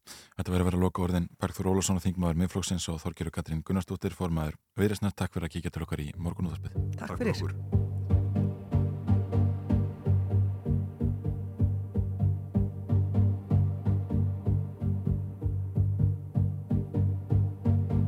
Síðan ég sá þig fyrst Alla göttu síðan eyði ég teginum með þig á heilanum. Síðan ég sá þig fyrst Finnst mér ekkit annað mikil svært Merkilegt magna hvað ástinn getur gert. Öll tengst við sjálfan mig rofinn Af ástil þín er ég dofinn Hvort sem ég vakið að sofi Ég set engin mörg Allt mitt er orðið að þínu Þú heldur á hjarta mínu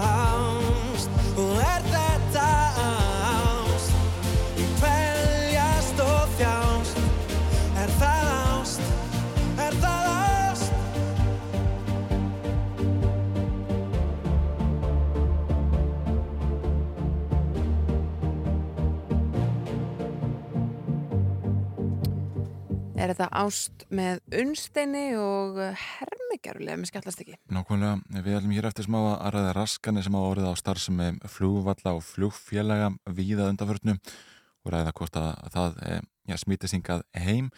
Við erum búin að vera að fylgjast með eh, ja, morgun þætti breska eh, ríkisjónsins núna í morgunsárið Mm -hmm. og við, við sáum myndir í gær af þessum eh, fjöllum af, af töskum á Hýþró. Já. Það er greiðlega búið að, að greiða úr þessari flækju núna en, en það stefnir í eh, mikil verkvöld í Breitlandi Já. sem við líka séð hérna í morgun. Og það eru verkvall í Belgíu, þess vegna var uh, já, alþjóðaflugull með Brussel lokað í gær eða það voru öllum, flug, öllum uh, ferðum frestað þar. Já.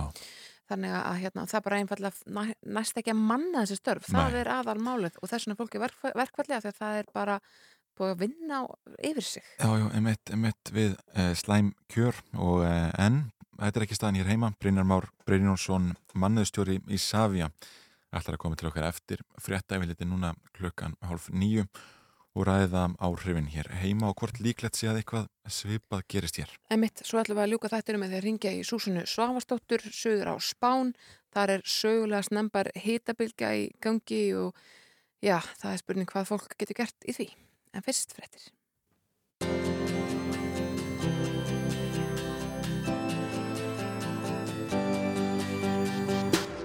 Þú ert að hlusta á morgunútvarpið á Rástvö. Jú, jú, fréttaði við litað baki og morgunúttarpið heldur hér áfram en tölverðar raskanir hafa orðið á starfsemi flugvalla og flugfjöla víðað undanförnu og gerum á ráð fyrir áframhaldandi trublunum í sumar, verkföll og skortur á starfsfólki plaga flugfjölögin. Í gerð var til að mynda öllum ferðum frá alþjóðaflugvöldinum í Brussel í Belgiu aflýst vegna verkfall sem hafði ja, viðtæk áhrif á vellinum. Brynjar Már uh, Brynjólfsson, manniðstjóri í Savi er hinga komin, góðan daginn. Góðan dag. Er þetta staðan í heima? Nei, við höfum verið frekar heppin hérna heima að við höfum náða manna í allar okkar stöður og náða að halda öllum okkar þjónustu viðmöðum Mm. allavega hérna, það sem afirsumri og við búumst við því svo sem áfram. Já. Mhm. Við höfum svo mikið rætt um það að vandi starfsfólki er, eh, er það ekki staðan á vellinu? Nei, við hérna réðum um 300 starfsmenn í sumar og uh, leita ekkert rosa vel út svona þegar við fórum á stað í byrjun janúar en, en síðan svona uh, var þetta betra og okkur tókst að klára manna í svona, ég myndi segja 97% af þeim stöðum sem við ætlum að ráða í fyrir sumarið í sumar en það sem að auðvitað flugvillir er að fást við út um allan heim og við finnum það líka er að traust fólks á flugvöllum sem vinnustæður það hefur dvínað Mhm. Einfallega bara vegna þess að flugvillir fóru í gegnum tvö ár þar sem var mikill samdráttur og margir heldu að þeir væri að fara byrja aftur og byrja að ráða fólk og síðan kom enn eitt afbríði þannig að það þurfti að draga tilbaka þessar ráningar þannig að við vitum alveg að það mun taka tíma að vinna upp uh, það tröst En hverju þakkaru þann árangur að þið hefur ráðið í 97% starfa að meðan að flugvellir eh, eins og bara í stórum eh, löndum í Evrópu eru ekki fullmannaðir? Já, munurinn hjá okkur kannski og mörgum flugvillum í Evrópu er að uh, við áttum vonaði þegar COVID skall á og við svona fórum komin inn í þá sérst, inn í COVID-ið að, að þegar að COVID er búið að Ísland er því aftur mjög vinsæl ferðamannastæður. Mm. Þannig að e, félaginu tókst að verja stóran hluta af störfum. Við sögðum upp að sjálfsögðu ákunnum hluta af starfsfólki en það var aðalega fólk í framlínu, fólk sem að í raun og veru hafði ekki verkefni að því að það voru ekki farþegar Mm. en okkur tókst að verja önnur störf og fórum í viðamikla framkvæmdir þannig að samdrátturinn hjá okkur í faraldrinum var minni heldur en hjá flestum flugullum annar staðar. Þannig að þegar við byrjum síðan aftur að þá þurfum við jú að manna framlínustörfin en öll svona stóðstörf í kringum þau að þau voru að mestu varin. Það var bara þetta rettast hugafæri sem kom okkur í gegnum þetta eða hvað? Já, eða bara trúin á Íslandi sem áfangast það aftur Mm. þegar COVID var í búið og hérna, eins og ég segi, náðum að verja þau störf sem að við gátum varið. Já, einmitt. Þú ert alltaf mannustjóri í Savia, finnur við fyrir því að þú ert að ræða við starfsfólki að þau eru svona óörug með starf á flugvelli núna sem sagt. Eh, Finnur við það hjá íslensku starfsfólki þegar, þegar. Það, það er COVID og apabóla og berglar og eitthvað og, og hérna að, að fólk einhvern veginn óttist annað áfall. Nei, ég held að við er séum bara super bjassin hérna á Íslandi sko, þannig að við finnum, finnum ekki fyrir því hjá okkur, nei, ég held að við, já, eins og segja, ég held að við séum svo ofur bjarsín og við höldum bara einhvern veginn kannski þetta rettast hugafarið Mhm. einhverju leiti sko. En hvernig kemur að því, sko, að því að eitthvað af starfsfólki ykkar er uh, fólk af erlendum uppruna. Hvernig, sko, farði, uh, skoðið til með samkeppnishæfni varandi laun og annað þegar þeir eru að ákverða þá hluti hér á landi uh, versus til dæmis annars þar í Európa? Sko, uh, reynda stórluti okkar starfsfólks er jú af erlendum uppruna en við ráðum uh, höfum engungur áður fólk sem talar íslensku þannig að það Já. er þá búið hér á landi í eitthvað tíma uh, og ég heldur reyndar að samkeppnishæfni launa á flugullum Íslandi sé betri en á mörgum öðrum stöðum sko. Mm. en það má heldur ekki gleyma því í þessari umræðu varandi sérstaklega flugulli í, í Breitlandi að þar eru þetta Breitland að kljást við eftirkosta Brexit að því að það er náttúrulega tölvört erfiðar að fá atvinnuleifi í Breitlandi núna heldur en það var þegar hérna, COVID skall á Já. Þannig að það er erfiðar að sækja mannskapin En finnir þið fyrir því þegar ástandið er svona í Bretlandi og eins og við komum inn á víða í Evrópu, Belgíu, eh, þegar allt er í hakki þar, finnir þið fyrir því eh, á kjaflökulflugulli? Er meira álag á ykkar starfsfólki? Sko, eh, ekki endilega okkar starfsfólki en það þetta kannski lendir á flugfélagunum sem hafa nú verið sem betur fer hérna, þá að aflýsa eða fresta ferðu með góðum fyrirvara þannig að fólk er þá ekki að, að koma upp á flugvöld sko. en við auðvitað finnum bara fyrir því núna að það er hásumar og það er, eru ferða þist fólk þannig að það er alveg að aukast trafíkin á flugvöldunum okkar ég, ég tek bara eftir því frá mótundi mor morguns að það er að, er að aukast hérna, farþega fjöldin En hvað með, sko, Íslendingar sem að, að já, er jafnvel, já, hafa ykkur verið að lenda því að vera först úti af því að, að það hafa bara verið þýlikar tafir af flugvöllunum. Fólk er að koma með löngum, löngum fyrirvara úti og næri jafnvel ekki gegnum öryggisleitina af því að það er svo mikil stappa. Já, maður har- hefur heyrt alveg dæmi um það að fólk er að, er að festast úti og þurfa að retta sér með öðrum leiðum. Já. En, en þið eru bjart sín á það að þið náðu að, já, bara díla ákveðlega við þetta álag núna í sumar? Já, við allavega erum mönnuð bara eftir farþegarspám sem að eru þetta bara kannski framar björtustu vonum þannig að við mönnuðum okkur þannig í sumar þannig að við búumst ekki allavega við álag eh, hvað það var að hjá okkur en hins vegar, auðvitað eins og ég segði áðan þá eru Íslendingar mjög ferðarþistir þannig að það er alveg trafík í flugstöðinu og ég mæla hann með því að fólk gefi sér tíma að áður þetta fyrir flug bara til þess að hérna, vera, vera örugt en við allavega höfum verið að standast alla okkar, öll okkar þjónustu viðmið og, og, og hérna búist við að gera það í sumar. Þetta er ágætt loka orð Brynjar Már Brynjólfsson, mannustjóri í Savia. Takk fyrir að kíkja til okkar í morgunúttarpið. Takk fyrir mig. Yngvar ég var að nefna hérna áðan að eh, með allt á hreinu hefði verið í sjónvarpinu á 17. 17. júni og þetta lagar auðvitað þann uh, geggjaðatrið. Frábært lag.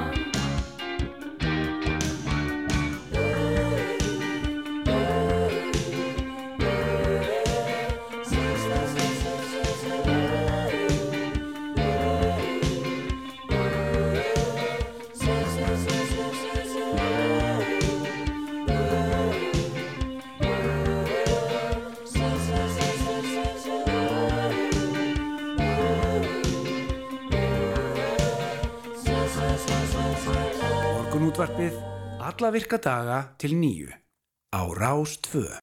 Yngvar, ég sé hér á vef eh, Rúf og Vísis að vegurinn á milli Hnífsdals og Ísafjörðar er lokaður eftir að örskriða fjall niður eiraflíðina og á veginn.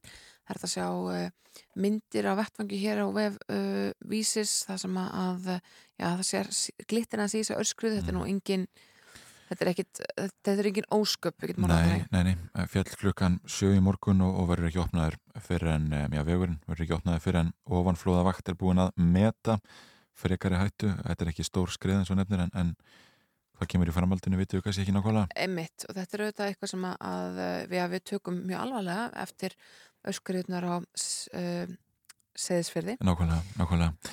Eh, Við erum hérna aðeins að, að skoða vef miðlana og það greint frá því hér á vef vísis að Nobels medalja rúsneska blaðamannsins Dimitri Muratov hafi verið selda á uppbóð í gær. Mm. Eh, við erum tölvögt rætt um þetta og þessi ákvörunum að, að selja Nobels medaljuna fjöði náttúrulega á allt að renna til UNICEF til aðstofa börn sem hafa flúið heimili sín í Úkrænu en þessi uppað kemur á óvart eh, hvað myndir þú greiða fyrir Nobels medalju fyrir blaðamennsku? Nobels medalju annars fyrir blaðmennsku. sem Já. Já, það er einhver að kaupa þetta á uppbóði sem, sem uh, vissulega hérna, hefur ekki unnið neinn velun í blaðamennsku 100 áskall. ég, ég meina, akkur er því að vera, eiga verðlun að greipa ykkur annars sko, og ég skil alveg þetta Nobels medalja. Ef ég sjálf geti keift mér Nobelsverðlun í blaðmennsku, Það var annað ég, þá myndi ég alveg Það borga svona eina hálfa miljón kannski. Já, fyrir það var ekki nóg, heldur betur ekki því að uh, kaupandinn sem er óþægtur greiti 13,5 miljardar króna.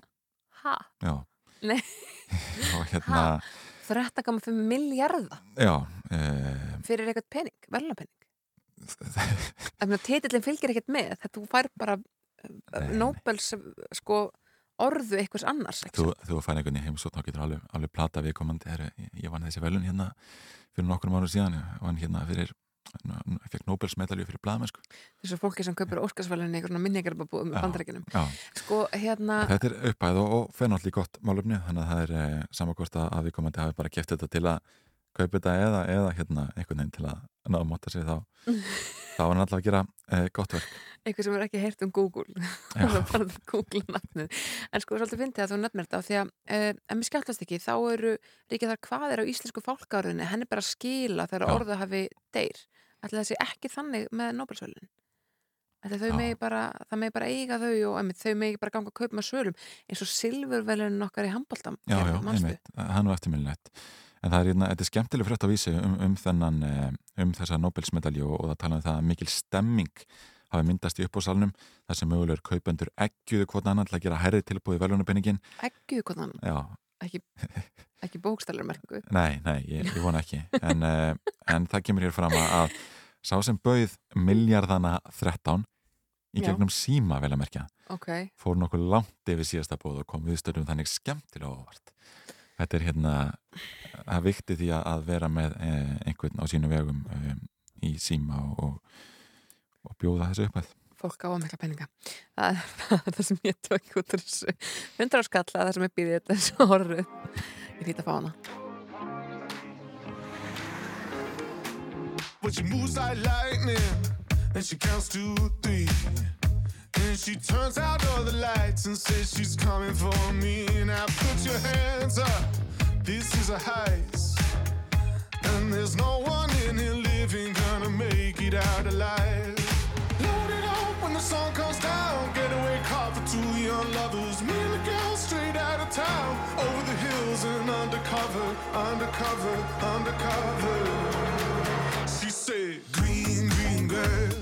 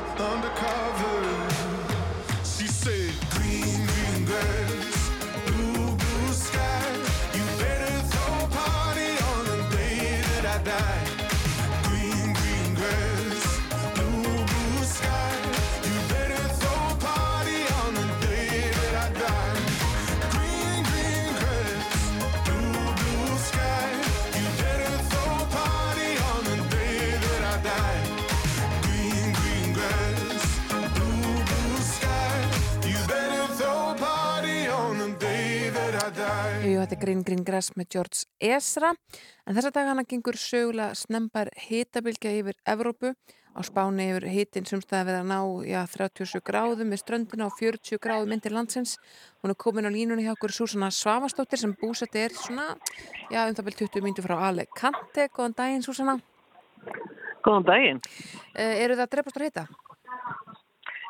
Ekki í dag, nei. Það er loksins núna mjög skýjað bara og svart. Það er 20 og 7 stegi hitti þessu. Já. En hvernig hefur þetta verið undanvarna daga? Uh, ansi heitt. Svo eins og maður á að vennist eiginlega bara í ágúst. Loki júli, byrjun ágúst. Já. Það er uh, ansi heitt. Þetta er alveg 10 gráðum heitara heldur en sko ætti að vera á þessum tíma.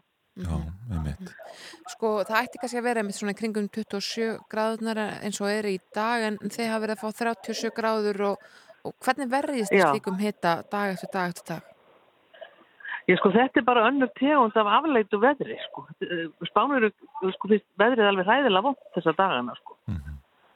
og, og það er hérna var mjög fyndið að heyra veðrið væri vond fyrir að vera komið inn í 35 gráður sko. Já, já. Af því að okkar vonda veður er bara skýt kallt. Já, akkurat. En þetta er, þetta er, já, það er svona, maður, það hægir á öllu hérna. Og uh, við erum náttúrulega mjög heppið með það, við erum með mjög góða sundlög, þannig að maður hangið alltaf mikið í vatninu. Já. En uh, svo er maður bara inni. Já, já. Hvernig eru spánverðar svona almennt að bregðast við þessu veðri? Um, þeir, spánverjar eru bara svo opbúslega afslappaðir. Og þetta bara er að ganga yfir og þeir, jú, þeir kvartir svo við gerum með vondu veðri, svona sín á milli og þegar maður hittir það. En annars er þeir bara í sínu daglega lífi. Já. Reytist voðalega lítið, tempóið. Eh, Hefur þessi hitabelgi ekkert verið hættuleg? Hefur fólk ekkert verið að, að hérna, ég bara uh, ofþorna og, og þú veist, allt sem getur fyllt svona hitabylgjum. Í, það gerist alltaf sko, það er það er sko, vassintakan er miklu meiri á svona dögum heldur en aðra daga. Það er þegar við erum að tala um lítar, fleiri, fleiri lítar oft á dag sko, það er bara þetta guðvar upp að manni jafnóðum Já, maður þamba svo mikið vatna að maður er komið brjósviða svona upp úr háttegi sko einmitt. Síðan er nú greint frá því að, eh, já, miklu gróðuröldur hafi gerðs á, á Spáni síðustu daga, sérstaklega þarna á landamærum Spánur og Portugal. Eh, Verður það Já. mikið, verður það í fréttum og, og er mikil neyð á þessum svæðum? Nei, það er bara, hér er þetta bara alls heila, heila ekki dýfréttum Nei. Vola lítið fjallað um þetta, þetta er svo óra langt frá okkur, þetta er náttúrulega svo stórt land. Já, já. að hérna það sem er að gerast við eh, landamæri Portugal, þú veist eh, það er bara dags keisla sko þangað. Já, já. það, það er einhvern veginn bara já, það er vola lítið fjallað um það hér hjá okkur. Það er mjög mikið af fjölmiðlum það er mjög mikið af frétta í svona stóru landi og eh, það er ekkert hér reynir eldar eða neitt og þá er þetta bara ekkert í fréttum á þessu svæði Nei, nei. þetta er, þetta er vola mikið byggt af útlendingum hérna við miðjarðarhafið og já, það er bara ekkert uh, verið að fjalla voru mikið um það sem er hinum megin Nei, nei. En barnaböndin, þau eru í heimsókn höfður þessa dagana, þau uh, eru ekkert að spá í hitabylginni. Já, nei það er alveg merkilegt hvað er hafa lítið fundi fyrir þessu Já. Það, það er bara, það er farið í dýragarðana og það er farið í skemmtigarðana og en svo er það ansið mikið í sundlauginu þegar það eru heima Einmitt. Einmitt. og hérna finnst það bara alveg frábært Það er ekkert að Eh, samfæra Svo þær það um að- verða þreytt Svo ef það er náttúrulega eins og börn gera ef þau verða þreytt á hittanum eða út í verðinni þá fara þau bara inn í tölvuna eða síman eða eitthvað sko. Einmitt. Já, þetta er uh, gott að heyra, gott að heyra að þið hafið það gott á Spáni. Takk kærlega fyrir að vera á línunni hjá okkur Súsuna Svavarsdóttir. Já, lítið. Við fyrir nú að kveðja Snærós, við erum búin að fara vitt og breytt í þætti dagsins, við rættum um umferðar öryggi í kvalfyrragöngum, rættum við samskiptastjóra eh, Gildis, Já. Lífrisjós, eh, rættum um eh, þá staðrinda að já, lokapróf eru kúnartæki. Já, Og, eh, sko við rættum það við Guðjón Renn Haugsson sem Já. er nýkjörn formar félags framhaldsskólinu kennara.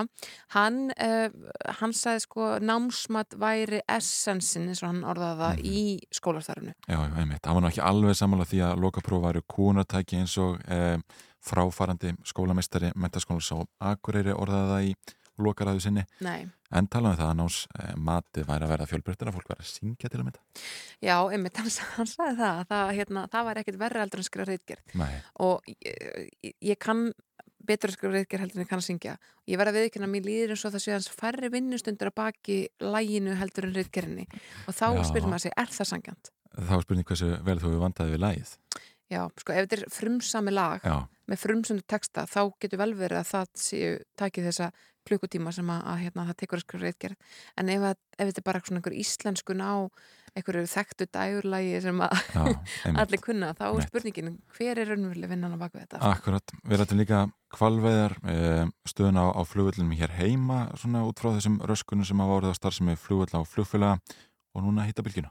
Einmitt, en við ætlum að ljúka þessu á lægi sem heitir 4-5 Seconds og það er ástæða fyrir því ég valdi þetta lag einhver uh, þetta er lag með Rihanna, Kanye West og Paul McCartney sem var áttræður um helgina. Hann hann tiltekið á laugadag uh, já, ef ekki að segja bara til hann ekki mammalega Paul McCartney. Ó, oh, ég klúraði þessu einhver uh, Og að sjá, Býtu, erum að reyna þetta aftur. Þetta er nú ekki algengt hjá okkur að við klúrum svona, já, já við þakkum fyrir okkur í dag Paul þetta er betri McCartney. aðdraðandi. Þetta er betri aðdraðandi I think I've had enough. I might get a little drunk. I say what's on my mind. I might do a little time.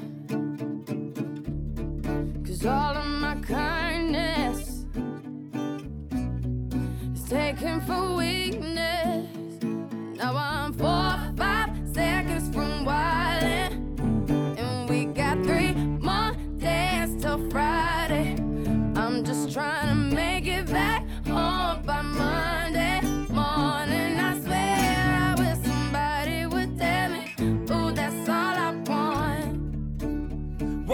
an optimist. Sun was shining, I'm positive. Then I heard you was talking trash. Hold me back, I'm about to spaz. Yeah, about four or five seconds from wildin'. And we got three more days till Friday. I'm trying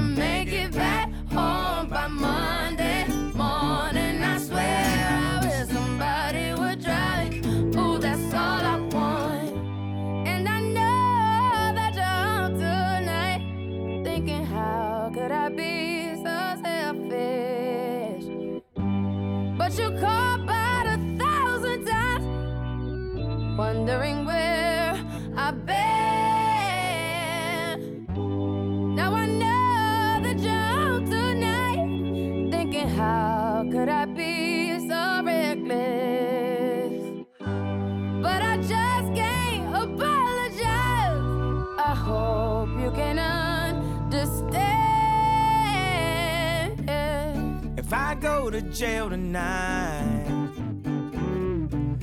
promise you'll pay my bill. See, they wanna buy my pride, but that just ain't up for sale. See, all of my kindness mm-hmm, It's taken for weakness. Now I'm poor